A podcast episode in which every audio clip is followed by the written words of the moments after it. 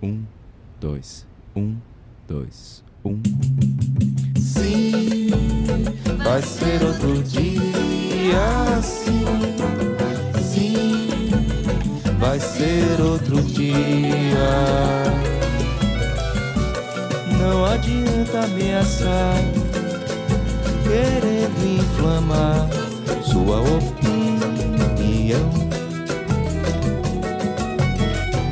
Pois fique sabendo que a corda balança e o lado mais forte está dizendo não. Og etter den fantastiske introduksjonen, så ønsker jeg velkommen til denne episoden av Viten og snakkes. Der hørte vi en eh, veldig vakker samba eh, som kritiserer Brasils eh, president sin koronahåndtering.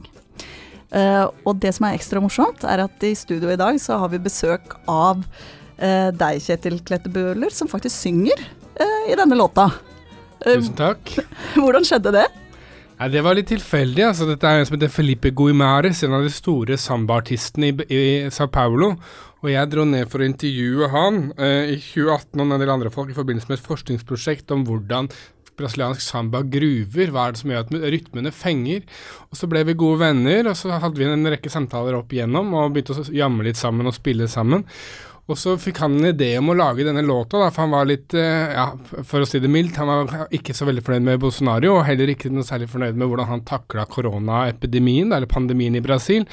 Eh, Så han fikk da en idé til å lage en låt som han gjerne ville eh, spille inn, inspirert av det han hadde erfart, og egentlig inspirert av mye som har skjedd i Brasils politiske historie før også. Så den, og da ville han eh, spille inn en låt som en kritikk av Bolsonaro, og en kritikk av Bolsonaros håndtering av pandemien.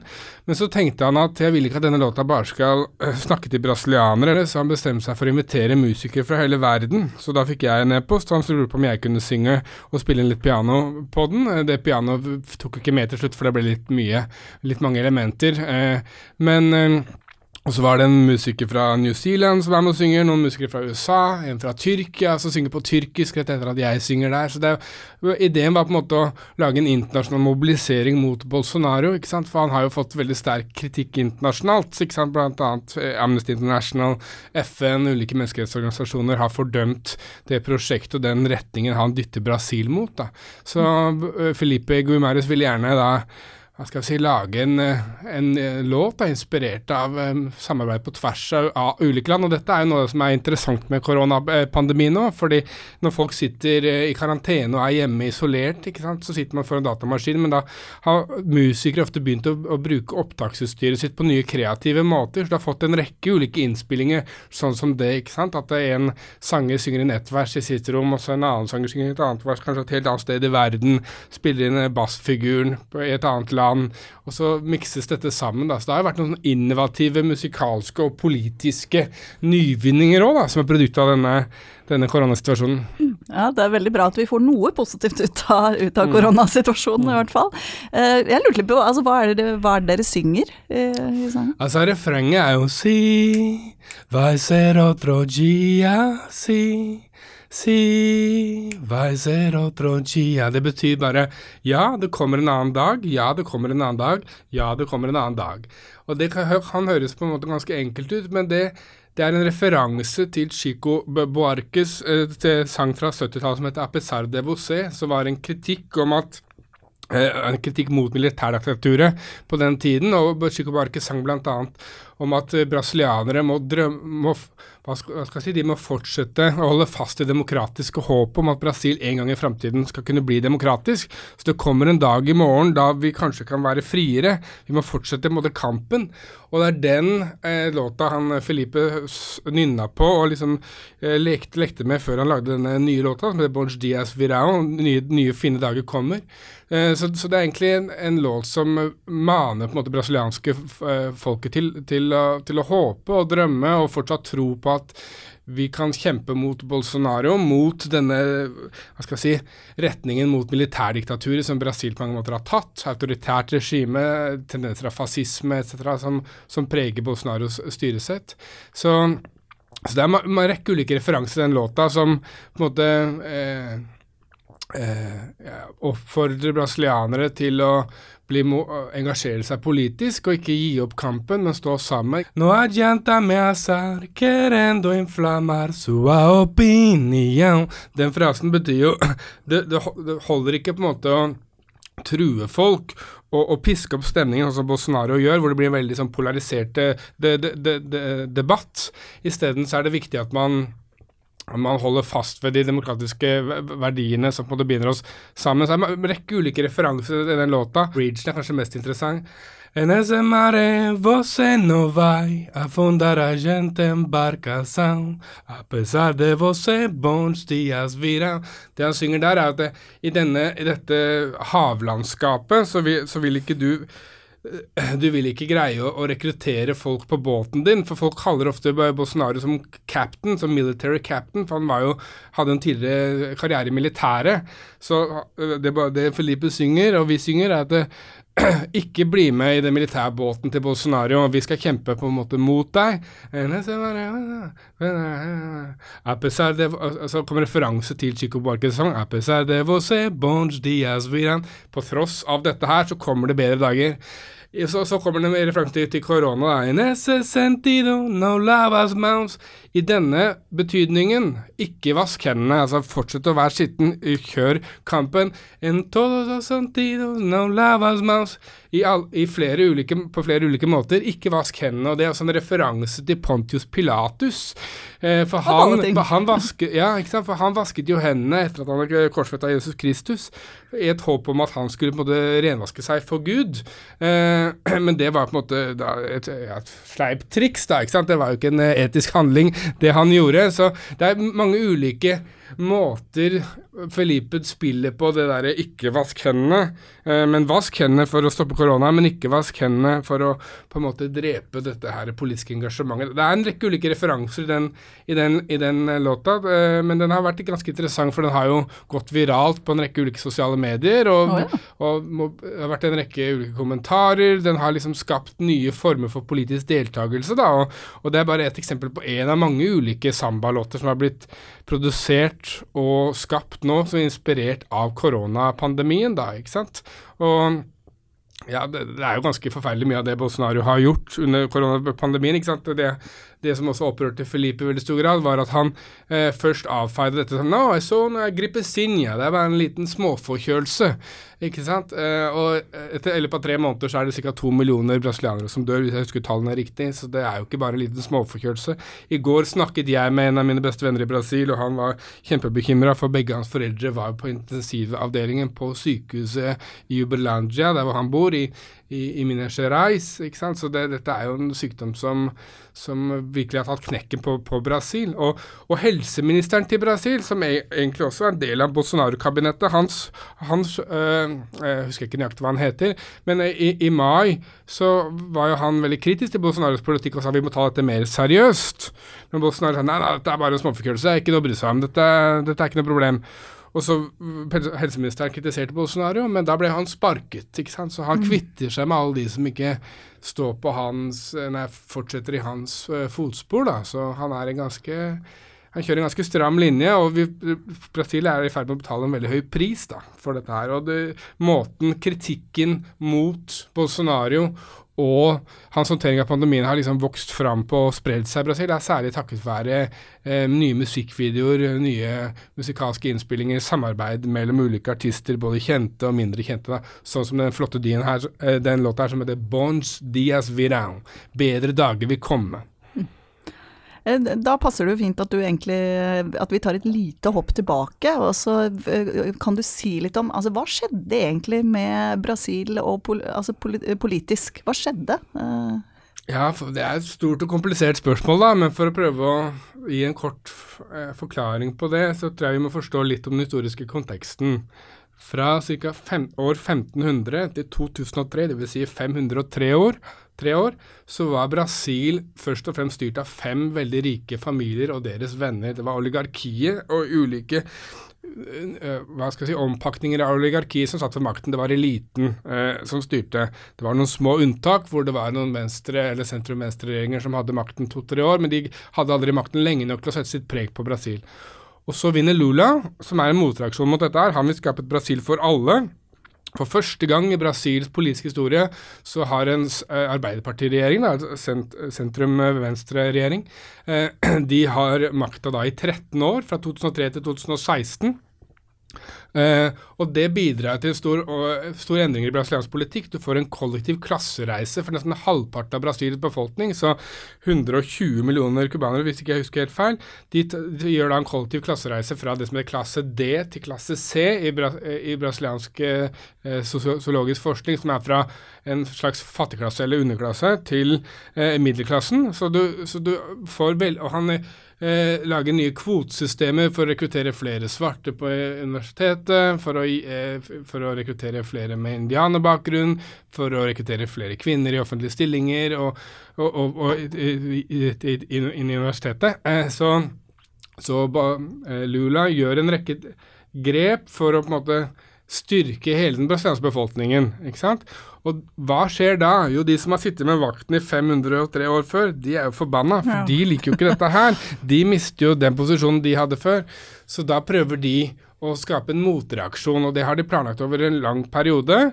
og skal ikke gå i detaljer i alt som har skjedd der, men et hovedproblem er at for at Lula og Arbeiderpartiet skulle kunne regjere, så måtte de gjøre en masse allianser med en del av disse her høyrepartiene og sentrum-høyre og den mer neoliberale eh, fløyene i brasiliansk politikk. Eh, og, og det, det, var en del korrupsjon knyttet til en del av disse forhandlingene. kom det en rekke korrupsjonsskandaler som rammet brasiliansk politikk veldig hardt, og det bidro til et veldig sterkt folkelig misnøye da, mot Arbeiderpartiet Arbeiderpartiet som satt ved regjeringen. I tillegg så faller jo råvareprisene på soyabønner, olje og jern, som er hovedeksportartiklene til Brasil. Eh, så da har de ikke så mye ressurser til å bygge den der nye velferdsstaten som Lula har forsøkt å bygge. Så, så det er mindre ressurser å rutte med, eh, og en slags folkelig misnøye mot korrupsjon mot Arbeiderpartiet, som delvis var legitim, for de hadde inngått i en del litt sånn dodgy hestehandler. altså litt, ja, Hva da, for eksempel? En skandale som heter Mensalao 2005 2006, hvor flere Arbeiderpartipolitikere ble anklaget for å være del i, i, i korrupsjon. Uh, og det var den der Operasjon Bilvask-skandalen, Lavajato, uh, som bl.a. Uh, identifiserte at Odebrecht, et av verdens største konstruksjonsfirmaer, de hadde jo en egen avdeling som, uh, var, som egentlig var korrupsjonsavdelingen. Hadde et annet fint navn, jeg husker ikke nøyaktig hva navnet var på portugisisk, men det var for å betale bestikkelser da, til ulike deler av statsapparatet. Men, og noe av det gikk til Arbeiderpartiet politikere, men veldig mye av det gikk til uh, høyrepolitikere, andre politikere også. Og hele problemet er at brasiliansk politikk i alle disse 520 årene siden Sergio Cabral i hermetegn oppdaget Brasil i år 1500 Det var jo noen folk som bodde der fra før, så det er litt problematisk å si. Men uansett, disse 520 åra så har brasiliansk politikk vært veldig preget av korrupsjon. Og når du har 495 korrupte kongressmedlemmer og et stort senat, eh, så er det på en måte det er veldig vanskelig å få til noe som helst uten å forholde deg til det korrupte spillet. da. Så, så dette er veldig komplekst. Uh, men, men, de som startet denne korrupsjonsetterforskningen, de det som var problematisk med den etterforskningen, var at den pekte særlig på Arbeiderpartiet og sa at PT, eh, Arbeiderpartiet, er det mest korrupte. Empirisk sett er dette helt feil. Eh, veldig mange av de andre altså Store deler av brasiliansk politikk er korrupt, eh, men de, de, mest korrupte er jo Bolsonaros folk. Og de, Michel Temer og Eduardo Cunha, de som er i disse mer høyreorienterte partiene, og som driver en mer klientelistisk politikk. Så de ulike høyrepartiene i Brasil de har en mye mer de har en mye uh, De har en annen historie da, som er mye mer preget av, av, av, korrupsjon og en rekke ulike problemer knyttet til det. Ja, så Dette er en veldig lang historie, det er, men det er folkelig misnøye mot det. Og pga. dette her så, grei, så, daler populariteten til Dilma Rousef, som tar over stafettpinnen etter Lula. Eh, så, og, og Det er stor folkelig misnøye mot henne. Og, og da i 2016 så lanserer da en allianse av ulike høyrepartier Eh, de stiller da hun for eh, riksrett. Eh, og det de sier, at hun har lånt penger fra en bank, la oss si vi kaller det Landbruksministeriebanken, for å betale ut velferdsgoder. For den banken som skulle finansiere Bolsa Familia, eller disse her ulike ytelsene uh, for, for, å hjelpe fattige folk, de hadde ikke mer penger igjen, så måtte de låne penger fra en annen bank for å betale det.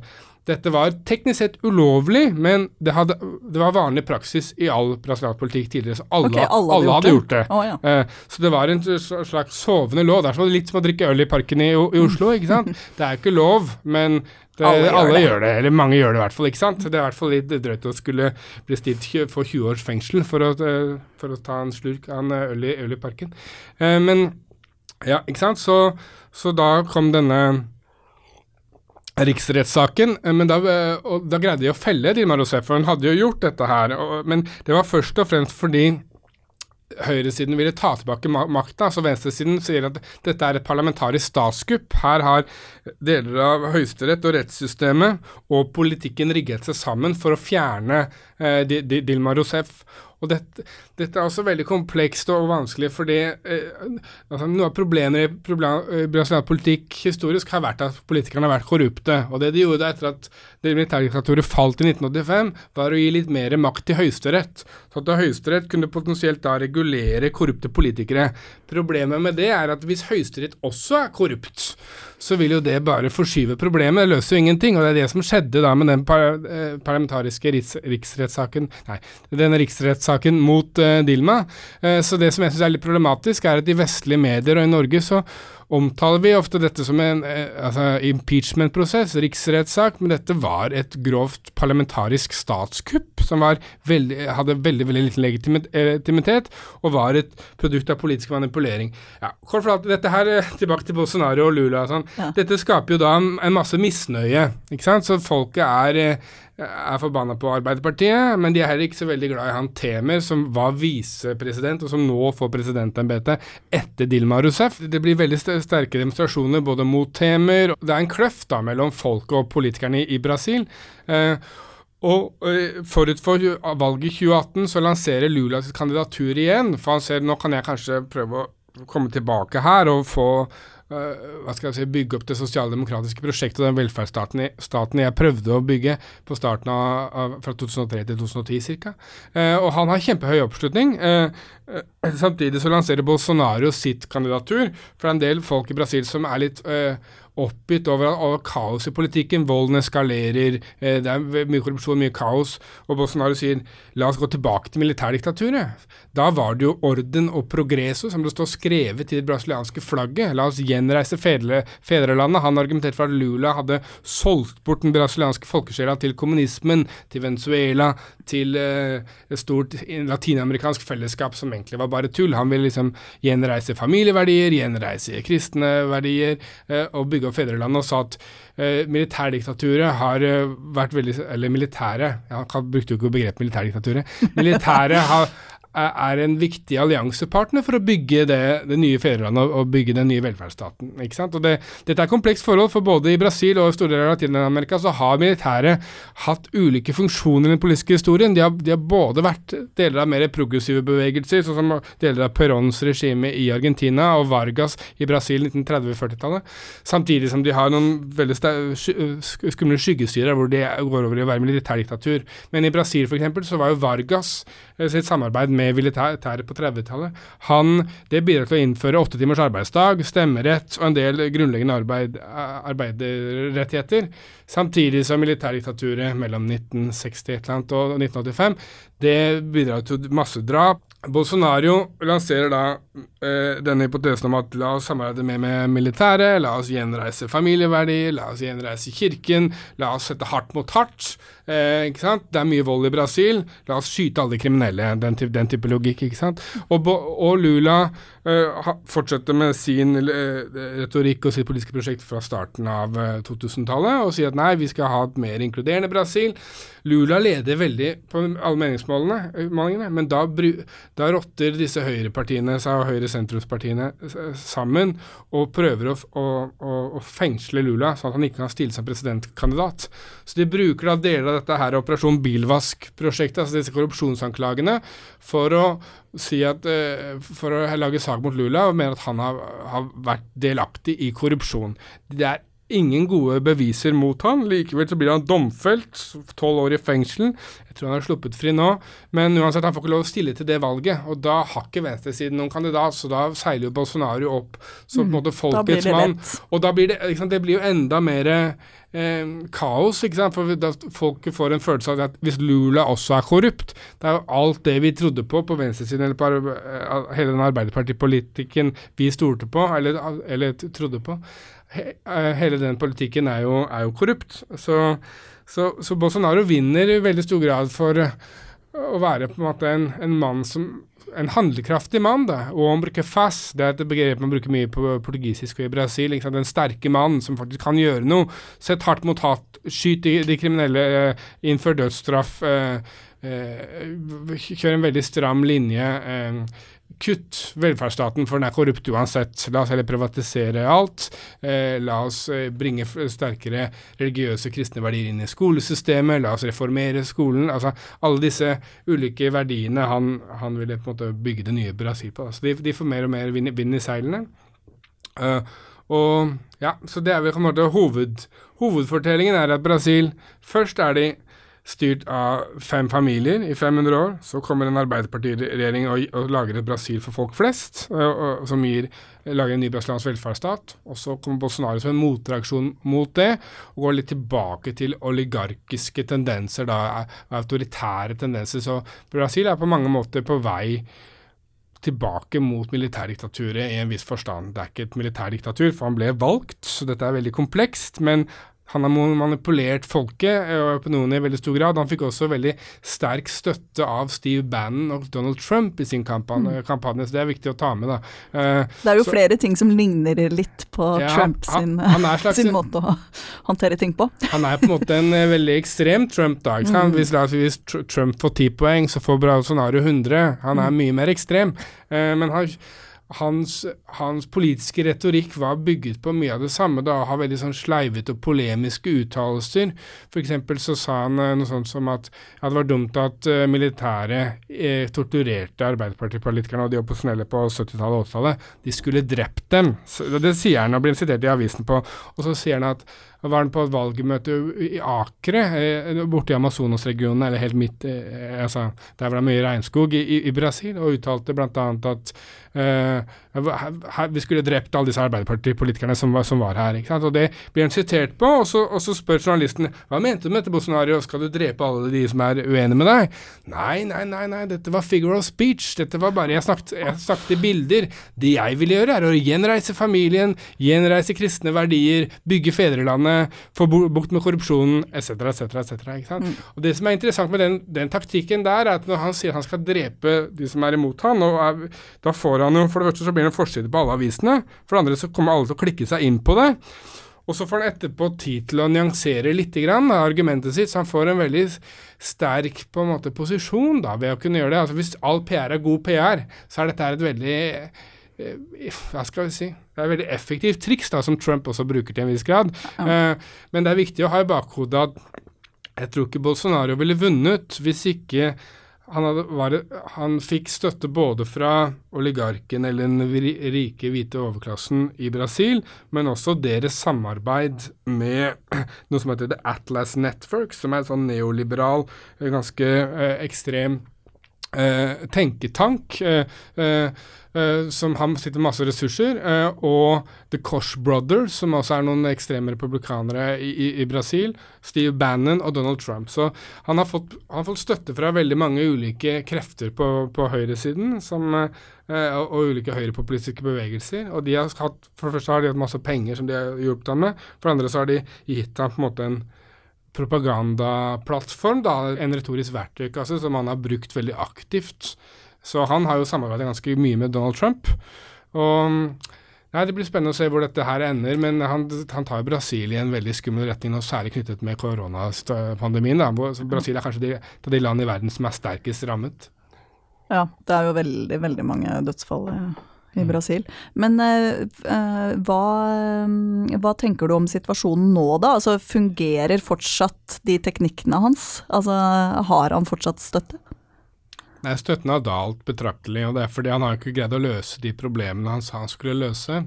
Det er fortsatt veldig mye vold i Brasil. Eh, bare for å gi et komparativt eh, bilde, det er dødd flere i Brasil altså, eh, som er blitt skutt og drept som er resultat av voldshandlinger, enn i Syria de siste 15 årene. Oi. Så det er en ekstrem voldsstatistikk, og den har ikke bedret seg med Bolsonaro. Økonomien går jo ikke noe bra. Uh, og han har generelt fått uh, mer og mer kritikk, og nå har han også blitt anklaget selv for å være del av ulike korrupte miljøer, og deler av familien hans har blitt anklaget for, for korrupsjon. Det var også et politisk drap forut for valget da han stilte. Blant annet en av de venstresidens mest populære eh, personligheter, Marielle Franco, som er lederen av noe som heter PSOL, Brasils tilsvar til SV. Hun hadde jo etterforsket en i Bolsonaros familie for å drive samarbeid med et narkotikakartell i Rio de Janeiro, for å man- manipulere folket, også for å, det, for å drive en rekke former for korrupsjon. Og Marielle Franco hadde vært en av hovedarkitektene i denne etterforskningen. Eh, de hadde funnet ganske robust bevismateriale, og eh, tre-fire måneder før valget i 2018 så ble eh, så kjørte hun hjem i en taxi, og så kom det en bande med, med folk med, med, med geværer, og de drepte både henne og, og taxisjåføren. Så hun ble jo eh, på en måte politisk drap, da. Så, så dette, er, dette er hektet litt, litt til Bolsonaro. Det er flere og flere som er kritiske til at han kanskje kan ha vært, vært involvert i en del voldshandlinger. Eh, generelt så har han ikke vist seg som den folkets mann han, han sa han skulle være. Eh, det har ikke blitt noe særlig bedre i Brasil. Og det er en rekke ulike korrupsjonsskandaler knyttet til han, familien hans. Eh, ja, og koronapandemien har heller ikke hjulpet noe særlig. Brasil er jo blant de landene i verden som er hardest rammet. Ja. Eh, Men kan du si litt om, eh, om hvordan musikken er blitt brukt i politikken i Brasil? Ja, Det er interessant takk for at du spør om det. Jeg har jo laget eh, en, eh, altså en dokumentarfilmserie i fem deler som, som beskriver dette her, som heter Music, Affect and Politics in Brazils 2018 Election. Nå lager jeg en ny dokumentarfilm om dette temaet. Jeg skal også skrive en bok om det. Emosjonenes politikk, musikkens politiske kraft i Brasil. Så dette er et tema jeg er interessert i. Det, jeg- det jeg så da under valgkampen i 2018, hvor jeg gjorde en veldig grundig eh, deltakende og gjorde en rekke fi, eh, eh, altså, filmet en rekke ulike hendelser og gjorde en rekke in- intervjuer, var at for å få folk ut i gata, og for å få disse politiske poengene fram, så var musikk veldig sentralt. Altså, de fleste politiske slagord fikk f.eks. rytme. En del ulike slagord fikk også enkle melodier, litt sånn som uh, fotballsupportere. ikke sant? De som støtter Liverpool eller Manchester United, de synger for å støtte laget sitt. Men det var også for at det skapte på en måte et fellesskap i gata, så det var kulere å være på i demonstrasjon eller å bruke tida si på det hvis du kunne synge sammen ikke sant? og hoppe og danse litt, så kommer kanskje litt trommer. Og, og Det er en slags det er en liten karnevalesk stemning rundt dette her. I tillegg så var det en rekke politiske jingles som ble spilt inn av, av begge, begge partier. ikke sant? Blant annet så var det en veldig populær eh, Bolsonaro-jingle som ble spilt nesten hele tiden. Under, under valgkampen. Som den, liksom den boosta ut av gigantiske loudspeaker, liksom. Kjempehøyttalere. Liksom du er på Roskilde, men på den største konserten, og det bare er kjempehøyt. Og da er det refrenget sier Capitão, levanta-te. O povo brasileiro precisa de você. Capitão, levanta-te. O povo brasileiro precisa de Det betyr Kaptein, reis deg opp, det brasilianske folket trenger deg. Og det repeteres og det repeteres og det repeteres. og det repeteres. Så litt interessant med den er jo at eh, eh, særlig den måten det starter på, kapitan, det, det er et sprang, det er såkalt kvintsprang i musikkspråket, at du går opp.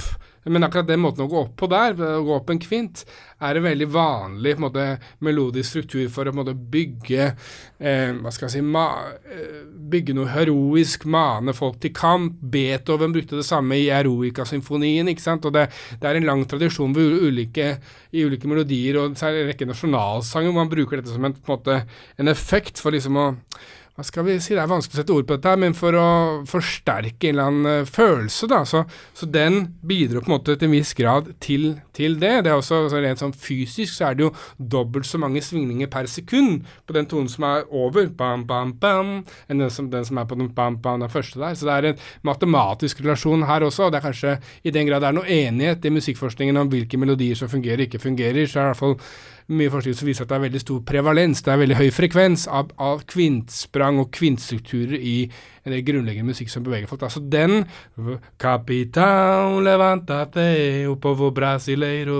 de Den ga på en måte en hva skal jeg si, emosjonelt eh, kraft til deler av Bolsonarios politiske prosjekt. da, og Så har du store statuer av Bolsonaro som er hengt opp eh, ved siden av. ikke sant, og Så står det 'Fedreland eller døden', og så står det en rekke ulike symboler da, som maner til dette her.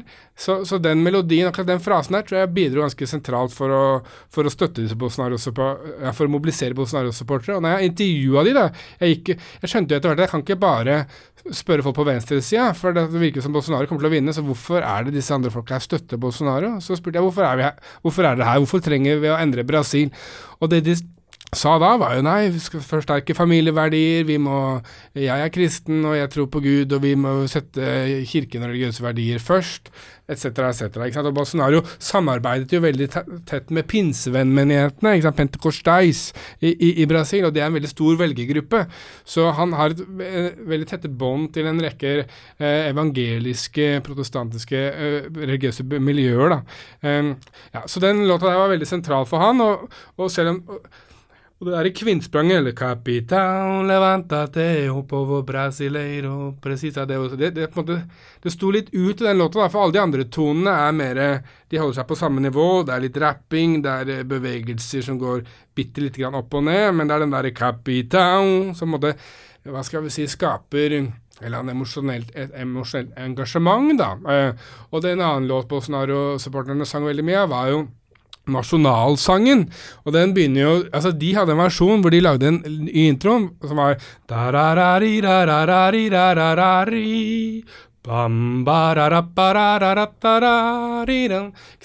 I musikkspråket så tenker man ofte at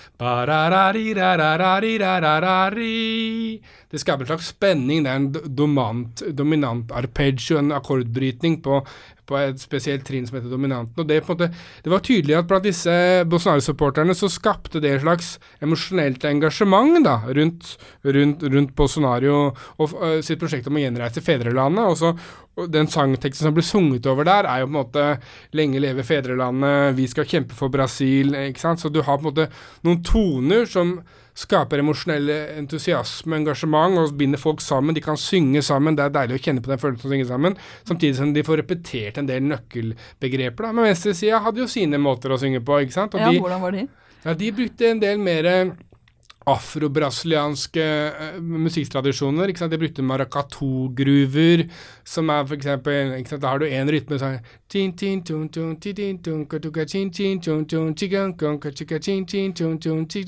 er det en annen rytme som er Så er det de to sammen. Og så gjorde de en rekke ulike lagde, Improviserte en rekke melodier eller bare rytmiske slagord da, som på en måte enten sa 'eller now', bort med Bolsonaro, eller 'vi må gjenreise utdanningen', for Bolsonaro prøvde å kutte ned på utdannings... Eh, eh, ja, eh, altså kutte i bevilgningene til Utdanningsdepartementet i Brasil. Eh, i tillegg så var det en del rytmer som begge brukte, f.eks. Det var en rytme som, er, som, var veldig sentral, som var eh, Hva var den? Eh, det er chaga, chaga, chaga, chaga, chaga, chaga. 1, 2, 3, 4, 5, 6, 7. 1, 2, 3, 4, 5, 6, 7. Altså syv stavelser som repeterer chaga, chaga, chaga, chaga, chaga, chaga. Så kan du Begge grupper brukte disse her rytmene for, for å mobilisere eh, sine, sine, velgere, da, eller de som støttet med Bolsonaro, eller Hadaji, som var venstresidens kandidat. Og Bolsonaro-støttespilleren, de, de, de, de, sa Lula cachacero, devolve mi dinero. Lula cachacero, devolve mi dinero.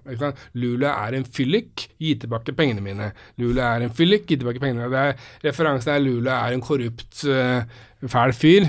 Jeg skal ha tilbake alle pengene mine. Og Bolsonaro implisitt kan gjenreise stoltheten. da. Mens venstresida var ofte preget av ganske, den var ganske heterogen. Det var mye sånn interseksjonalitet på venstresida. Det var jo var buddhistene, altså venstreorienterte buddhister, det var en del sånn LB, LGBTQI jeg husker ikke på norsk hva det er nå lenger, men altså, ikke sant, gender eh, eh, politiske bevegelser som var kommet med på venstresida, en rekke andre, andre grupper. Og de sa bl.a.: Buddhista humanista, no vota en fascista. Buddhista humanista, no vota en fascista. Ikke sant? Buddhistene og humanistene de stemmer ikke på, på på fascistene. Og det som var interessant, var at det bl.a. en bloko som heter Agora Yadaji eh, som En bloko i Brasil det er en karnevalgruppe, og dette var en politisk gruppe som vokste ut av eh, en katolsk eh, eh, venstreorientert bevegelse som heter Levante populær. Eh, men de mente at for å bevege folk i gata for å vinne valget, så må vi lage musikk som folk kan synge og høre eh, og delta i, slik at eh, de, de kan stemme på Hadaja eller få oppmerksomhet rundt hans, kandida, hans kandidatur. Mm. Og de var veldig mye inspirert av karneval. ikke sant? Under karneval i Brasil så er det det å synge og spille og bruke rytmer som mobiliserer folk til fest, men det var også ofte veldig viktige politiske hendelser. Så de, de de lagde en rekke låter, blant annet eh, så hadde de en låt som var veldig populær, som var sånn Vai, vai, vai, vai, virar, kong, kong, vai, vai, vai, vai, virar, gong, gong, gong, gong, Og alle sang med, ikke sant, og repeterte mange ganger. Og det eneste den sier, er at det skal, det skal, det skal, det skal snu. Altså, dette skal endre seg. De var en referanse til meningsmålingene. Eh, Bolsonaro ledet med 10% over Hadaje på den tiden. Og sier vi må fortsette å kjempe sammen, vi skal greie å snu dette her. Det interessante med den frasen at det var jo null det var ingen empiriske indikatorer som støttet den hypotesen, for å si det sånn. Det var ingenting som pekte på at Hadaje skulle vinne. Allikevel så sang de det. Hvorfor det? Kanskje fordi det som er veldig sentralt i politikk, er å, å, holde, å ivareta håpet om at demokratiet skal kunne seire, om at din kandidat likevel skal kunne, kunne vinne. Og I Brasil har det vært veldig, veldig sentralt. fordi opp gjennom historien så har Brasil vært mye mer styrt av ulike former for diktaturer, militærdiktaturer og oligarkiske regimer enn demokratiske regimer. Kan du spørre deg hvorfor i all verden har brasilianske folket tro på demokratiet da? Det lureste hadde vært å tilpasse seg disse regimene. Bare mm. aksepter, kongen bestemmer, sånn er det. Men allikevel så har, det, så har jo også Brasil et av verdens største sosiale bevegelser. Av veldig sterk på en måte, opposisjonell kultur eh, knyttet til venstresiden, som, som har, på en måte, har bidratt til å til å, til å, gjøre at dette håpet om at Brasil en gang skal kunne bli demokratisk, lever videre. Og det har særlig vært et produkt av musikken. For veldig mye av den musikken vi snakka om innledningsvis, bl.a. at Chico Buarque, Catano Veloso, Gilberto Gil, disse store musikerne på 70-tallet og 80-tallet, de lagde en rekke låter for å oppmuntre det brasilianske folk om at en dag skal vi bli demokratiske, og da må vi huske på de og de og de og de verdiene og de og de prinsippene. Så liksom drømmen om at Brasil en gang skulle kunne bli demokratisk, det levde på en måte videre i musikken. Og Det er kanskje noe av det som er grunnen til at både den der Bons Dias Viran som vi starta med her, ble skapt, som også er en lignende låt. ikke sant, At det, det kommer en bedre dag. ikke sant. Eh, og det, det, musikken gjør med politikken, den bidrar til dette håpet. Den gjør det fengende, den gjør det eventuelt vakkert hvis du liker melodien. Den eh, gir følelser til dette politiske engasjementet, og bidrar til at drømmen om, det, at, om at Brasil skal bli demokratisk, skal kunne leve videre. Hva Så, tror du selv, da, om det? det er et Godt spørsmål. Ja, det er vanskelig å Brasil er så ekstremt komplisert, ikke sant. Eh, jeg tror det er noe i det, og det kan nok komme en motreaksjon mot Bolsonaro nå etter hvert. Og hvis den kommer, og hvis den er ledsaget av et uh, sentrum-venstre-initiativ som setter brasilianske velferdsstaten og folkets rettigheter først, så er nok det et produkt av emosjonell overbevisning. Det holder ikke å overbevise folk rasjonelt om politikk i Brasil, og kanskje ikke i verden for øvrig. Du må For å få folk til å kjempe for en sak, så må de bli emosjonelt engasjert. Ja, hvordan blir de det? En måte er musikk, eh, i hvert fall i et land hvor folk elsker å danse og bruke mye tid og ressurser på musikk. Og i Brasil så er det en veldig sterk tradisjon for å synge med, mye mer enn i Norge. Så det, når man er på store sambafester og i demonstrasjoner, så er det veldig mye allsang, ikke sant. Mm. Så jeg tror kanskje musikken kan bidra til det. Eh, det vil selvfølgelig ikke bare være musikken, det vil være en rekke ulike faktorer. Det er sjelden du får politisk omveltning kun som et produkt av musikk. Men eh, men eh, nøkkelen her er å skape emosjonell engasjement knyttet til den urettferdigheten brasilianere opplever i dag. Da, å få en en, en, ny klassebevissthet, en ny forståelse om at vi er like mye verdt, uavhengig av hudfarge, eh, seksuell legning, etnisk tilhørighet etc. Og, og, musikken har historisk sett vært veldig viktig da, for, å, for, å, for, å, få fram dette budskapet. Altså, det er jo veldig sterke sånne fri... Altså, eh, afro-brasiliansk kulturtradisjon er veldig sterkt. Det, det, var jo slaveri i Brasil over en veldig lang periode, og etter hvert så kom det såkalte nye frie slavesamfunn. og de brukte da musikk veldig, veldig, effektivt for å på en måte kjempe sin sak og, og, og få fram sine verdier da, og, og få oppslutning rundt den gruppetilhørigheten. Så jeg tror musikk og, fø og følelser vil spille en ganske sentral betydning i, i brasiliansk politikk framover. Eh, det blir veldig spennende å se i valget i 2022. Bolsonaro ligger ikke an til å kunne vinne. Problemet er at det, det finnes kanskje ikke så mange gode alternative kandidater. For det problemet i Brasil er at folk har mista troen på politikken. Ja. De, og, og, det er et problem er at eh, for de aller fleste brasilianere så er politikk noe som ikke angår de.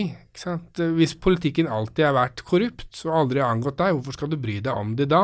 Det kan hende Lula kommer tilbake, eller en annen person på venstresida. Ja, kan han komme tilbake? Kanskje, jeg vet ikke. Nå, så vidt jeg har skjønt nå, så er han jo fri, så han har jo mulighet til det. Men jeg tenker det er viktig at uh, kanskje Norge og det internasjonale samfunn uh, også da bryr seg litt om hvilken retning Brasil uh, tar politisk, og eventuelt kritiserer Bolsonaro hvis han gjør en rekke grep som bryter med grunnleggende menneskerettigheter og tar Brasil i en mer autoritær retning. og, og, og ja, så Jeg, jeg, jeg syns det er påfallende at det internasjonale samfunnet og den norske, og norske stat også for øvrig, og den norske regjeringen, eh, har vært såpass hva skal jeg si, passiv når det kommer til denne her riksrettssaken mot Dilma Rousseff f.eks. Dette var parlamentarisk statskupp eh, som har hatt dramatiske konsekvenser for brasiliansk politikk. Eh, det har vært lite skriveri om dette i, norske medier. Jeg har ikke hørt så mange, jeg har ikke hørt så mange norske politikere som har uh, uttalt seg om det heller. Snarere tvert imot så har Norge tjent veldig gode penger på Bolsonaro og Temer, for da en konsekvens av dette var at de privatiserte en rekke oljefelt i Brasil. Hvem er det som har kjøpt opp de oljefeltene? Mm. Equinor ja. i stor grad, ikke sant. Og, og, Hydro har jo noen svin på skogen i Brasil, og som vi også har hørt i en rekke saker. Så jeg tenker det, det er viktig at man bryr seg om den politiske utviklingen i, i, Brasil, og i hvert fall si ifra hvis, eh, hvis eh, Bolsonaro eller de, noen av de politiske spillerne bryter demokratiske spilleregler eh, definert av menneskerettighetene og, og, og, FNs konvensjoner om hvordan politisk arbeid skal føres, da, på en måte. Det blir spennende å følge situasjonen i Brasil eh, videre.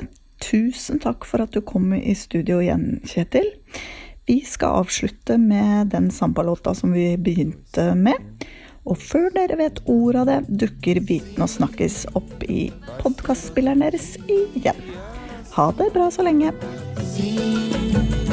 Vai.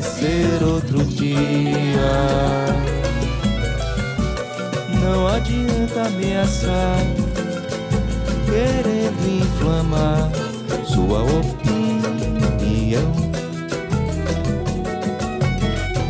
Pois fique sabendo que a corda balança.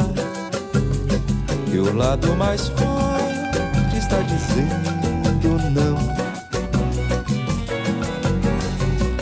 Nem é questão de questionar O coro a cantar Você largar a mão.